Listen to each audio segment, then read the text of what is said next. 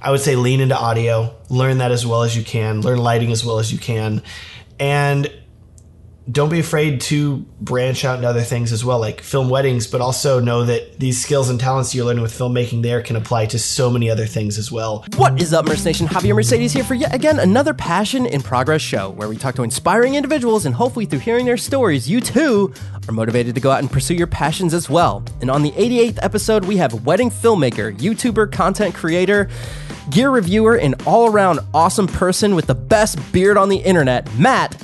Who is Matt? Johnson. How's it going, man? so, so glad to be here, man. This is kind of a momentous occasion because I've been doing my podcast for 87 episodes and I was committed to doing my podcast in person for the whole video thing. But lo and behold, because of what's going on with the coronavirus, we wanted to self distance ourselves. And you are my first remote guest. I think it's going to work. It's funny because you're literally 30 minutes away from me, I think, but we're like, hey, just let's quarantine ourselves in our house and just interact over the internet. yeah. For the listeners and viewers that don't know who you are, can you give us a little brushstroke history of where you're coming from? Yeah, yeah. So, born and raised in Texas. Uh, my freshman year of college, my parents bought me a little point and shoot camera. I started playing around with it, making really dumb YouTube videos. I had played around with my parents' VHS camera in middle school and high school, but nothing really seriously until college. And there came a point a few years into college where I'd been just making these little dumb videos, and I entered a video contest at my university, Texas A&M, and I ended up winning. And they were like, "This is awesome! Good job! Do you want to come work for the university's marketing department?" And I was like, "Yeah, this sounds great." So, started making videos for the university, and then 2010, a friend of mine in one of my classes said, Hey, I'm getting married. Do you want to film it? And I told her, I have no idea what I'm doing. Uh, so just so you know, this may all be terrible, but I'd be happy to film your wedding. Okay, so $500 later, filmed her wedding. That was the same price for my first wedding as well. Oh, yeah. Oh yeah, it's funny how many people I've talked to and met that are like like you. You're not a full time wedding filmmaker or anything like that, but so many people are like, I've filmed a wedding before. It's just kind of this rite of passage almost for so many filmmakers. Like you get a camera, people like, hey, you want to film this wedding? Okay. So uh, I just sort of continued filming weddings and gradually raised my prices. My second wedding we'll do $600. This is going to be crazy. Uh, then the third wedding, I went back down to 500 because they wanted a deal. So uh, eventually got out of that, um, kept raising my prices. And there came a point where I was graduating from college in 2011 and I was like, wait a second. I don't have to get a real job. I can just keep doing this forever and never work nine to five. Instead, I can work midnight to midnight with my own business. you know, you're it's it's like I could be self-employed and work all the time. but it's so great. It's so fulfilling. So I've been filming weddings literally for a decade now. Still love doing it. And then in 2015, I had a friend of mine who was just getting into filming weddings, and he was like, "Dude, you really understand how to film weddings. Like you're really good at explaining things. You should start making tutorial videos." And I dabbled in it before, but I said, "Okay, I'm really going to commit to this." So I started making YouTube videos. First video I made was a review of the Sony A7S II, and that kind of blew up and suddenly people were like, "Oh, I've watched you, cool." And so it's just been kind of growing from that point uh, for the past five years. That's awesome. I think the biggest thing that I can take away from what you were just talking about was humility and the fact that when somebody approached you and they said, Hey, you know how to work the doohickeys with the doodads and film things. Can you film our wedding? You had the humility to say, I haven't filmed a wedding before, but uh, I'm going to try. And obviously, it's worked out very well for you. And with that in mind, can you talk to me about, uh, let's say, coverage from where you were before to where you're at now? Can you talk about some big things that have always worked for you when you do go to film weddings, I guess, in terms of coverage? Yeah, yeah. Well, I feel like whenever I got started, I was very gear obsessed because uh, yeah, I mean, hey, we love. I still love gear. I'm like, I need to get a new camera. Oh man, I should do that. So I, I literally I'm like talking to my wife about like, oh my gosh, we need to get into VR and like we need to do it. So she's like, we don't need that stuff. I'm like, but it could be cool. So it's it's ridiculous right now. But um I was very gear obsessed, always trying to like buy the newest gear because I figured the gear would differentiate me from other filmmakers. Being able to say, ooh, he's got a drone. Wow, I don't have a drone. This is crazy. But what you'll soon find is that in today's day and age, good cameras are cheap. You can make really good quality stuff for not too much money. And so even beginners in wedding filmmaking now have really, really good equipment. So that's no longer a differentiator for you versus other people anymore. But what I found that started to really differentiate me, and this ties into your second part of the question of like what is co- what coverage is really important. Um, whenever I started filming weddings, it was all about the visuals. Then I started making sort of like music video style weddings and videos where put a nice music song, uh, put a nice song on it. It'll have a nice track. It'll sound good. But what I found is that once you start focusing on the audio of the day, focusing on the vows being spoken, on the message from the officiant, on the toasts, if the couple writes letters to each other, all this other audio is going to come together and make a really, really beautiful film that actually tells a story. And that can be really, really powerful. Oh man, I wish I had a button that was like, mind blown. That's the thing. How would you say that plays into all types of filmmaking? Oh, dude, it's basically all filmmaking these days because you look at old Hollywood movies and the instant they could start putting audio in it and really start telling the story, we moved away from silent films very quickly once they started audio recording. And even even look at YouTube videos today. I mean, how many times have you been watching a YouTube video and the quality is so bad? It's like the size of a postage stamp.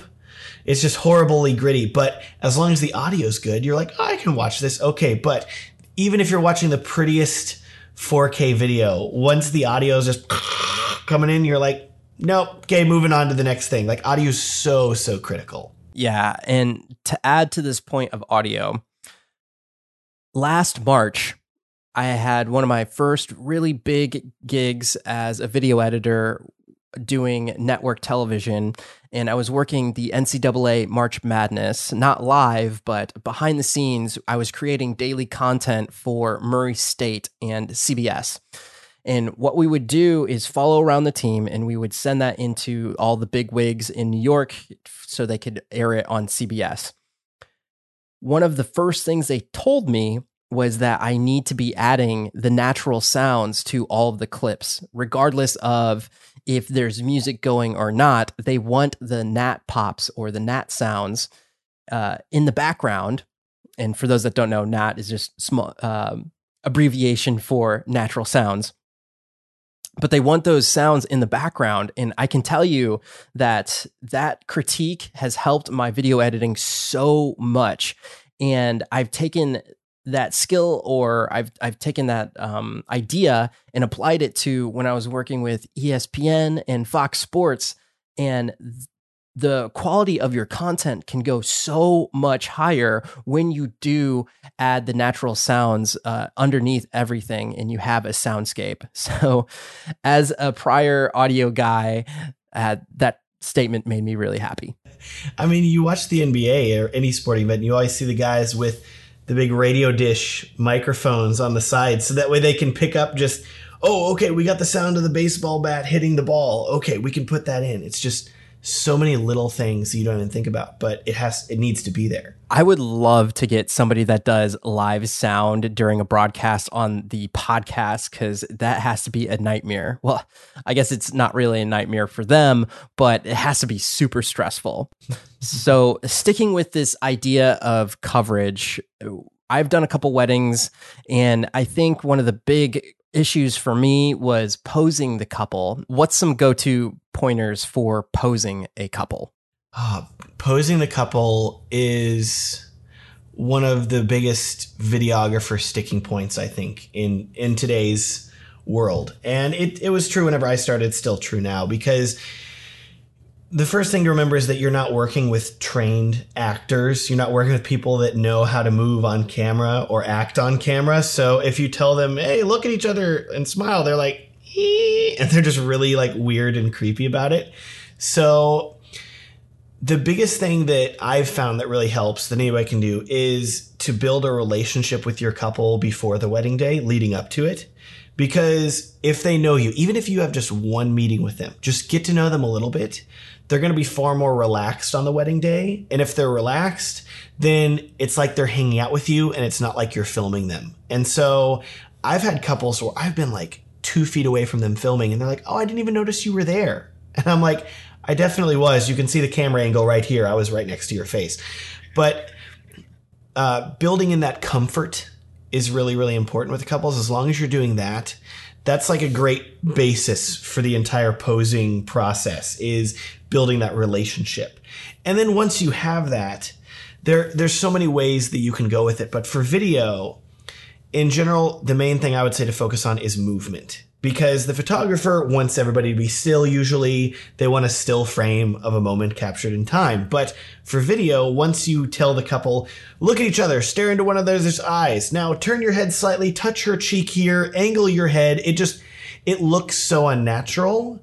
For photo you can get away with it but as soon as you see it in motion your audience is going to be drawn out of the video because they're immediately like oh that's some weirdly posed thing just to dive deeper, is there any specific things that you ask the couple to do, like a checklist? If, say, the couple isn't doing too well on camera, like for me, for example, I would ask the bride to uh, lift up the bottom of the dress so it would reveal the shoes. That's a playful shot with some movement. I may use it, I may not. Uh, what are some of those things for you? Yeah, yeah. So one of the defaults is always uh, whenever I want the couple to be touching each other whenever they're walking. So I'm always telling them, hold hands or like grab his arm or something like that. Put your arm around her. Anything like that to really pick her up. Just it, a lot of the time, whenever you're doing the couple shoot, you'll have these 30 second long interstitial moments where you're moving from location to location. So the photographer isn't going to be filming the couple in that point. They're not going to be taking photos because the couple's just walking. But that is prime time for you as the video person to say, wait, no, I need this. This is good. Let's film you guys walking together. And so I've saved some photo shoots that uh, I had like no time at all just because I'm maximizing every single moment to be able to film what I need what about when the bride's getting ready, groom's getting ready, and some tips for playing off the atmosphere and getting the best coverage to make your footage look, dare I say, more cinematic? Biggest, simplest thing is getting people to get ready by a window. You want to use the natural light instead of like the gross, whatever makeup lighting they have set up or whatever. Uh, the venue's idea of good lighting is, which is never ideal in my experience. It's usually just mediocre at best. So for wedding films, you don't necessarily want to turn into some big Hollywood production, bring in all these lights, set up all this stuff, make it crazy, which I have done before and it's overkill. If you can just find a nice window, have people get ready by that, it's good. For the groom, super easy. The groom doesn't care. He's like, yeah, cool, I'll stand over here, whatever. Like, they don't have hair and makeup artists, which are around them. So that can be significantly more stressful. So that's why whenever I'm going back to meeting with the couple, I'm asking the couple right from the beginning, hey, would you be cool with getting ready by a window? And then I say, could you tell your hair and makeup artists that you want to get ready by a window? So that way I'm not showing up on the wedding day, which caveat I have done before where I bust in the room and say, Hey, can you move all this hair and makeup equipment across the room over here to this window? It's a jerk move. I have done it, but it's super awkward. And I would much rather prefer to already show up and suddenly they're already by the window, all ready to go because I asked ahead of time. So there's another big point that I want to key into there, and it's that you're building this rapport. And when you want something done, do you go straight to the vendor first or do you go to the bride or groom to uh, accomplish it or is there a give and take there so in the perfect world because I've already talked to the couple, built a relationship with them, they trust me.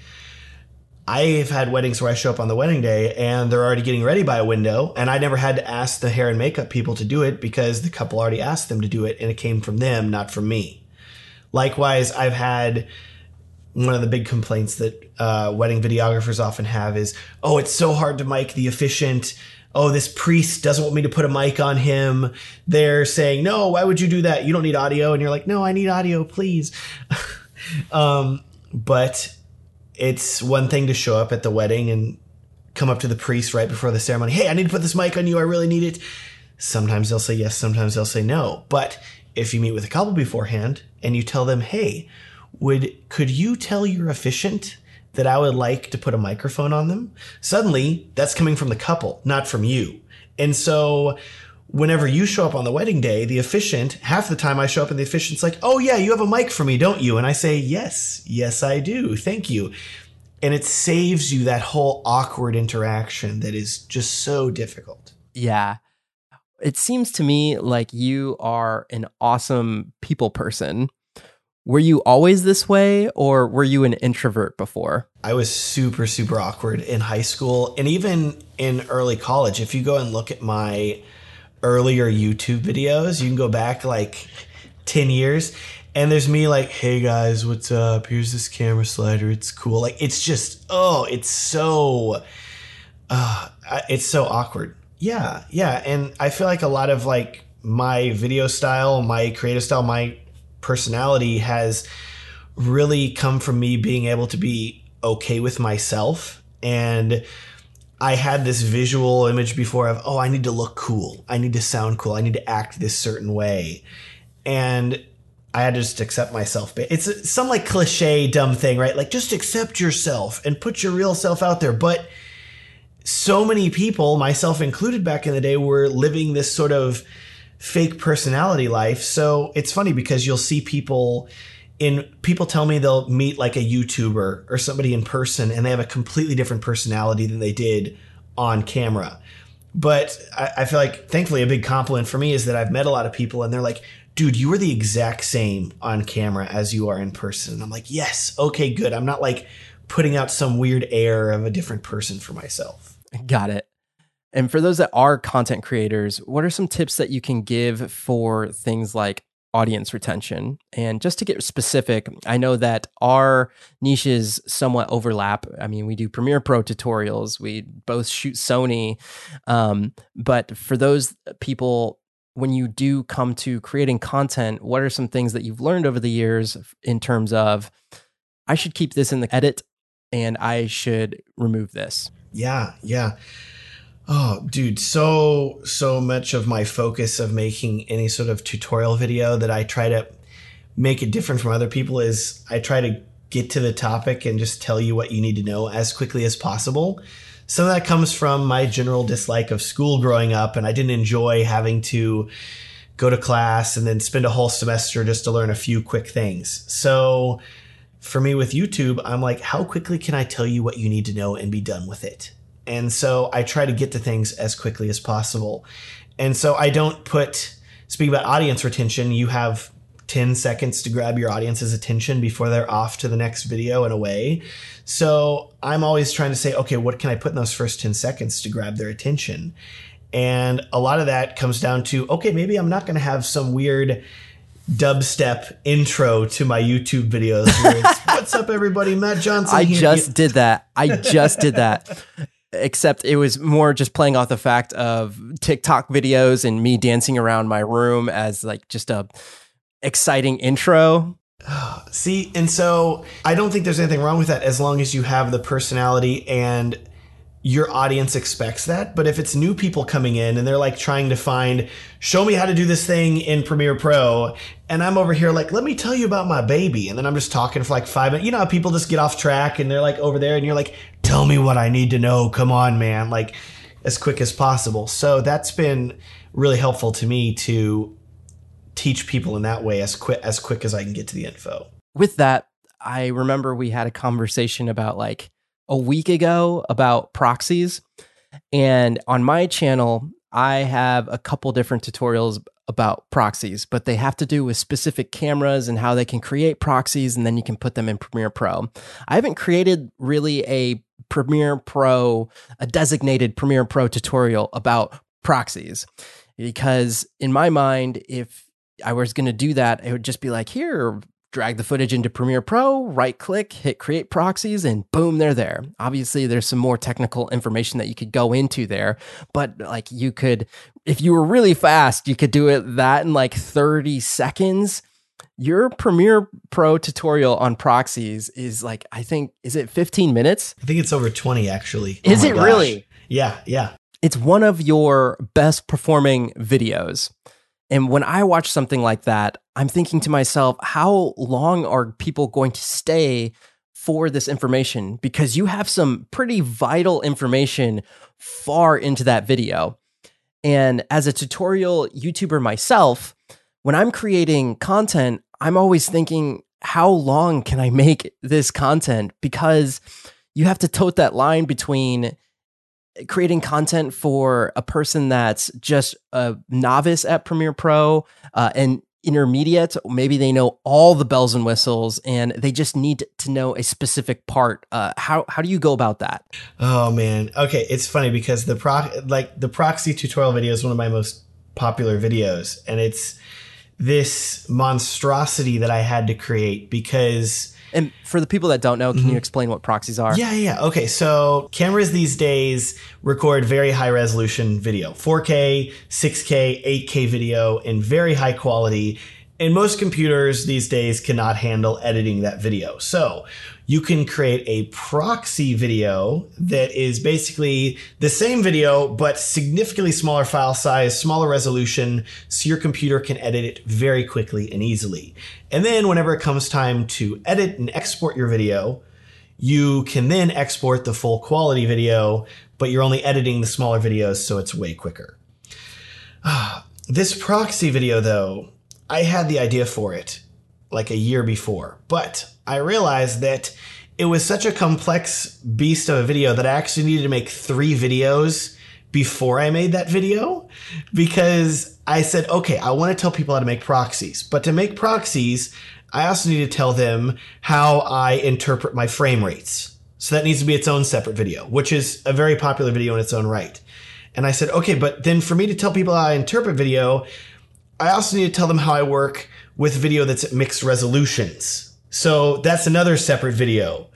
so maybe it was only two previous prior videos to the proxy video, but I literally had to make a mixed resolutions video, then a frame rates video, then finally the proxies video so people would fully grasp it. So it's not just a 20 minute video. It's like an hour of videos. And I have people comment, they're like, I just went down the rabbit hole. Thank you. This was very helpful. But my goodness. And I'm like, I'm sorry. This is as quick as I could tell you how to do it because it's a complicated thing. And I feel like there's people in Final Cut that are like, just don't just import the footage and it just happens automatically. No, this is Premiere. Nothing's as simple as that. yeah. Yeah. So I think the big takeaway there, for me at least, is that the topic was so big and in depth that you needed to break it up into those three videos. And even if those videos flopped, the information is out there. And if people wanted to know about this, you have videos that explain it in the way that you would want. Yeah. The other big thing that I did, I think that really helped people is at the start of the proxies video, because it's a 20 minute long tutorial, very start of it, I'm saying, hey, if you want to save time, here's a proxy preset that you can download that will literally, you can just import into Premiere. Here's some instructions on how to use it. So you don't have to watch this 20 minute video. You could literally just use this preset and it'll do it for you. And so a lot of people have really been thankful for that. Was that a lead magnet to an email list? Oh, yeah. Oh, yeah. I'm sure that has skyrocketed the numbers on your list. It's been good. It's been real good.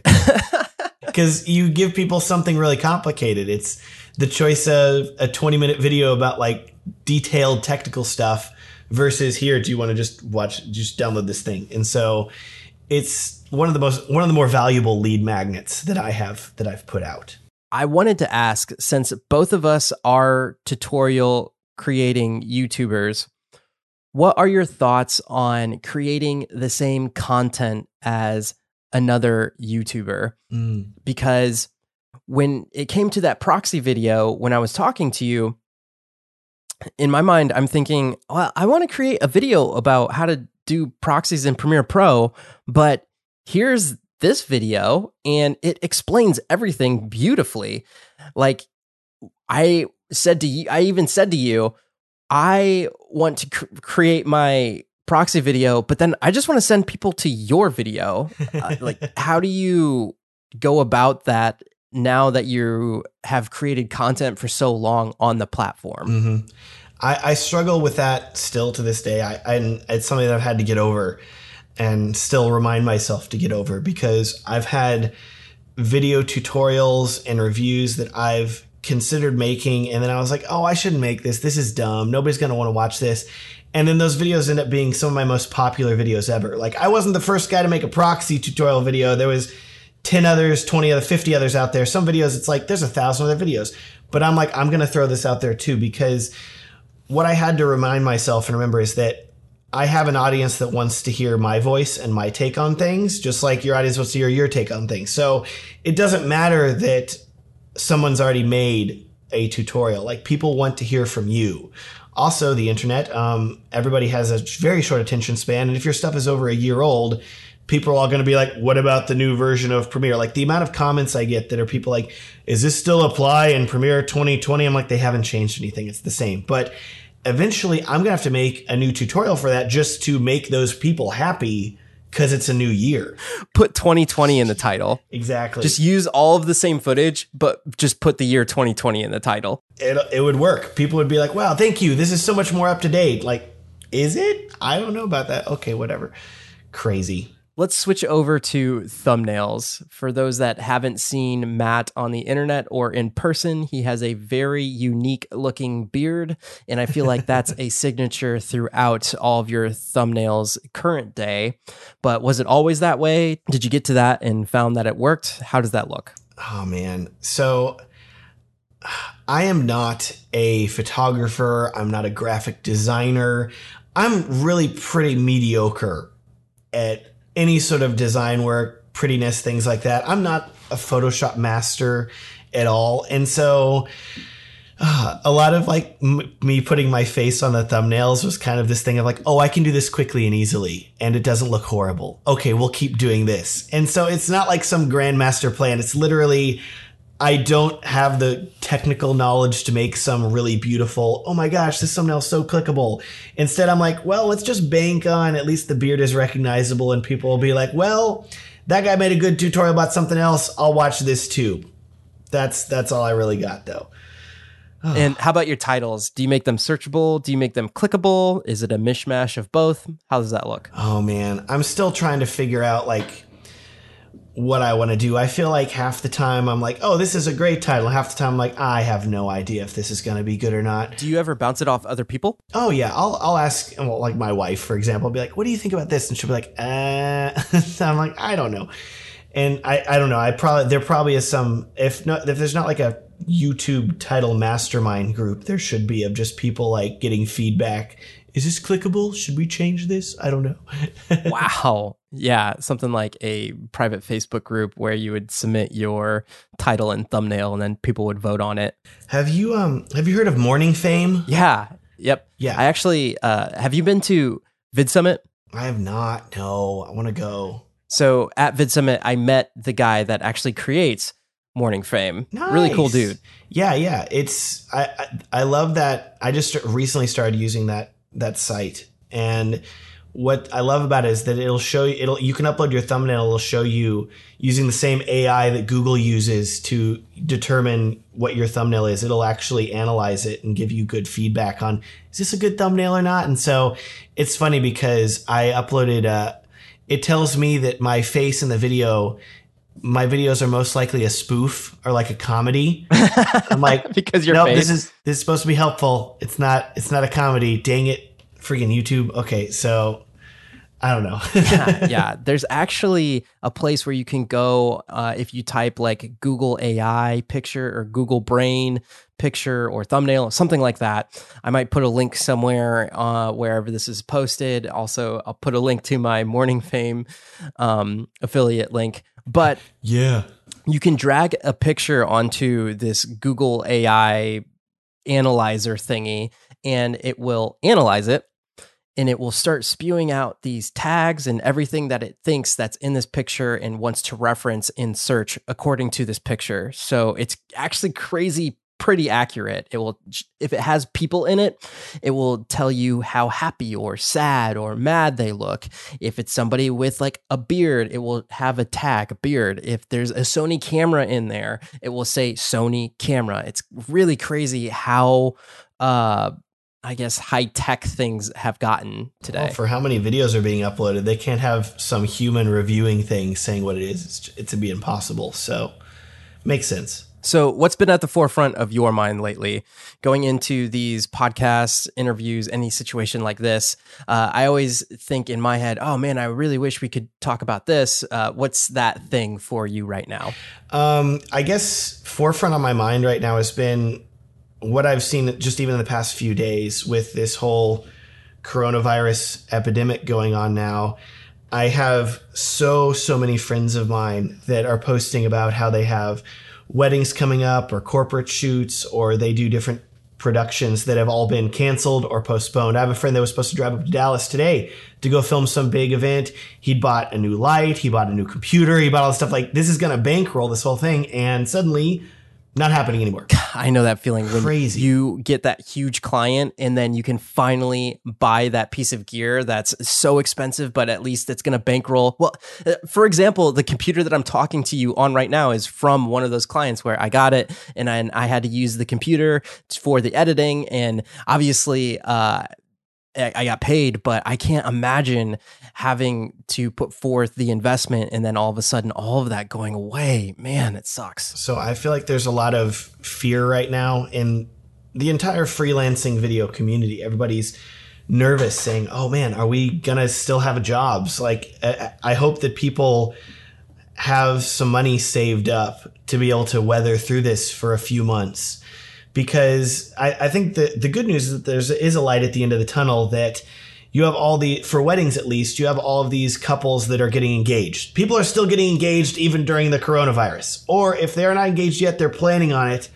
And in a few months they're going to get engaged and they're going to be ready to be married. And so i would expect a tidal wave of inquiries for everyone coming in in a few months once all this dies down and it should be good either that or they're going to want to hire a videographer to document the process for people that couldn't attend certain events. Yeah, yeah, totally. We have a wedding coming up at the end of the month. And I'm like, is this wedding going to happen? We don't know yet. So we're kind of, everybody's just kind of in the waiting period right now, just saying, okay, let's just keep in our houses, catch up on some editing. I mean, that's the nice thing about staying at home, I guess. You have editing time.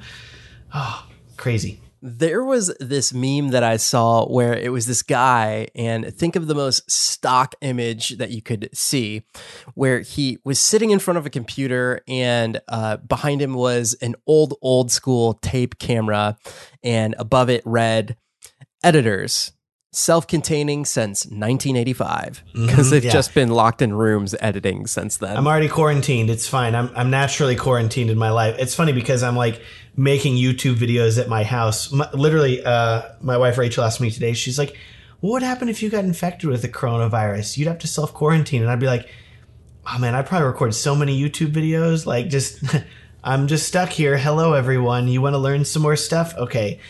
Um, other random thought. I was uh, listening to this tech podcast this morning, and they were talking about the uh, the internet traffic. They've already seen like a ten percent increase in U.S. internet traffic just in the past few days because so many more people are staying at home.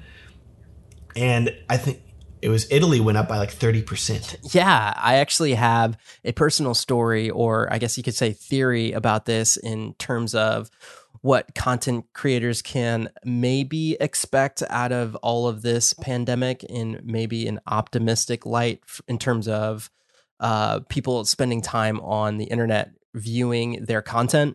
And it has to do with my last job at the Chive, which, if you don't know what the Chive is, um, it's a website and they curate content for the internet. And you have to remember that when they started this website, the internet just wasn't where it was in today's standards. Like social media just wasn't a big thing. If you wanted to go see memes, you would go to a website like the Chive. They curated and found things and then they put it on that website and people would go to that website to like uh, escape for a couple minutes in their day.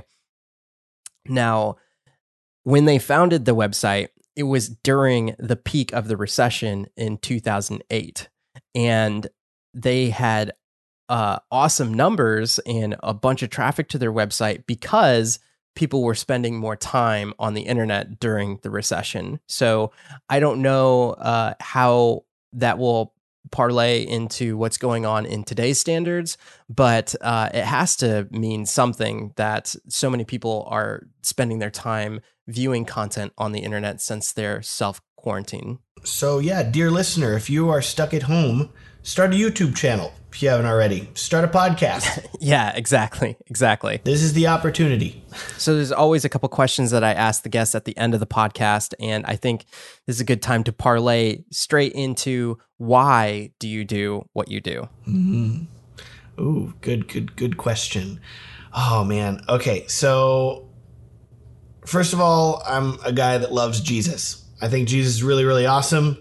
And I think that he gives everybody a purpose in life, and I feel like I'm living out what he made for me to do, and to help people, to encourage people, to use the creative skills and talents he's given me to be a helper to others. And so I've been doing that. And it's crazy because five years ago, if you told me, hey, Matt, you're going to be on a podcast with Javier, I'd be like, I, I don't have no idea why. but um, literally, I, I got asked, uh, th- where do you see yourself in five years? I was in Australia last month. And I told the people in Australia, like, if you told me five years ago that I would even be in Australia teaching at a conference for wedding filmmakers, I would have said you're crazy because I hadn't even started YouTube at that point. I had no idea what I was doing. And so I'm just on this like ride of excitement and craziness, and so I feel like I'm I've been put on this earth to help other people, to make encouraging content, to express the creativity that God's given me, and that's been really really cool to see through wedding films, through YouTube, through everything. Well, there you go. And can you give your best piece of advice from that first $500 gig wedding to where you're at now? What is something that you've learned uh, during that time that you would like to tell the audience? Oh man, I would say there's so many thoughts. Oh my gosh. If if you're just getting started, don't buy all your gear at once. Renting is your friend because I've had so many people that are like, "Oh, I'm going to start filming weddings. I just bought 10 grand worth of equipment." And I'm like, "No, no, rent first. See if you actually like filming weddings first. Oh my gosh." Um, but once you get into, once you gain some experience filming weddings, I would say lean into audio, learn that as well as you can, learn lighting as well as you can, and don't be afraid to branch out into other things as well, like film weddings, but also know that these skills and talents you're learning with filmmaking there can apply to so many other things as well. For me, I'm doing weddings and now I'm doing YouTube too, so there's so much stuff. Caveat to that on the flip side, if somebody's listening to this and they are getting married, what is something that they can do to have the most bestest, awesomest wedding video ever? Oh man, that's good. Or I guess what should they be thinking of that isn't too much of an ask on their end to get the best production possible out of the wedding video? Uh, okay, because I was gonna your initial hearing that th- question initially, I would just say actually get a wedding video because the biggest regret of so many couples are, oh, we didn't have this filmed. Like, set up a camera in the back of your church if you need to, just to have the wedding film because you're going to want to look back on that and have those memories. And that's super, super powerful. Your kids are going to want to watch that someday. But um, if you have already decided, oh man, yes, I want a wedding video. Yes, I, that's I'm I'm all I'm all about that. Then the good news is that there are a lot of people doing it now. So you have a lot of options. So there are a lot of different styles right now. There's people that are more dark and moody, there's people that are more high energy, there's people that are colorful. Really watch a variety of videos. And then you're going to get an idea of kind of what your style is, and that should match up with your wedding. And then pick somebody that matches with that style, and it should look really good. I, th- I, think what you just talked about is one of the biggest topics in wedding filmmaking, and that is pricing. So, in this myriad of last questions, I have another last question, uh, and it has to do with pricing. Can you explain uh, for those that are getting married why wedding films cost so much? And can you maybe give some tips or just talk about pricing in general from the filmmaker's point of view? Um, I'll let the floor be yours. So, first thing to keep in mind for pricing is that both for videographers and for people that are paying for it. If you are full time as a wedding videographer, you have so many expenses that you have to pay for. So if you are filming, let's say, 20 something weddings per year, then you need to make sure that those weddings are covering your entire cost of living, plus your cost of your business, plus your costs of actually filming the wedding. And so there's all these different factors that go into that. But I know that for me, starting out, $500 didn't cover a lot. Granted, I lived with uh, four roommates at the time in college, and I think my rent was $400 per month, all utilities included. So, uh, love college living. That was great. Um, but um, even then, I soon discovered that I wasn't actually making any semblance of a profit when I was filming weddings for that cheaply. So, I, you'll find that what's funny is that for once you start filming weddings, even if you're for, I'm speaking to videographers here, but even if you're charging, let's say five grand for a wedding, which is about what we're starting at now. No, we're above that now. I don't know. My wife Rachel's in charge of the pricing. but uh, what we'll find is that you have these weddings that are $200,000 weddings. You have these crazy high end weddings where you're like, oh man, can I even afford like are they going to be okay? You know, and then it's like you're just a small item on a very large bill for these people. So that's okay. So don't be afraid to, depending on the weddings you're filming, don't be afraid to raise your prices and be okay with that. Um, as far as couples go, like why is this so expensive? Well, one of the excuses made it's a wedding. Everything if you add wedding to the end of a product or baby to the end of a product, it just automatically doubles the cost of anything in general, I found. But um also, it is it is a big a big thing. It's a big moment. It's a big event, and there are so many factors that go into that. And I feel like some of the payment is you're paying a professional to do a good job so you don't have to worry about it. So you don't have to think about it. So you don't have to stress about it. You're literally not only paying for, oh man, why aren't you, you know, 50 bucks because you're just running a camera in the back? No, like you're paying for me to fix a lot of problems and issues that happen during the day that you're not even aware of so you can have an enjoyable, happy day. And I think that ideally, if it's a great wedding, that everybody is working together, all the vendors are, to make that happen so couples can have a great day. Yeah. Ideally. Yeah. They're paying for really cool people like you that knows how to interact with a couple and get some amazing cinematic shots. Now, if people have not stumbled across your work before and they don't know who you are or where to find you, where could they find you on the webs? Oh man, I am who is Matt everywhere except for Twitter. So if you go to who is Matt slash who is Matt on Twitter, it's some different guy. But otherwise, uh, who is Matt on Instagram, YouTube, whoismatt.com, everything is that. And yeah, making stuff all the time awesome. And thank you again so much for your time, Matt, yeah. for all of your expertise that you brought to the podcast today. And for you, the listener or viewer out there, if you would share this podcast out with a friend, if you found this podcast to be valuable, I would love you forever. In fact, you could get out a piece of paper, get out a pencil, and write down the URL, put that into a mailing envelope send that to your grandma and then say, hey, check out the Passion in Progress podcast with Javier Mercedes, episode 88 with Matt, who is Matt Johnson. I'm going to keep saying something to that degree at the end of each podcast until somebody does it. Hopefully, somebody will do it soon. I'm on episode 88. All right, guys. Until next episode, I hope you're out there living a life of abundance and stay safe with all the stuff that's going on out there now.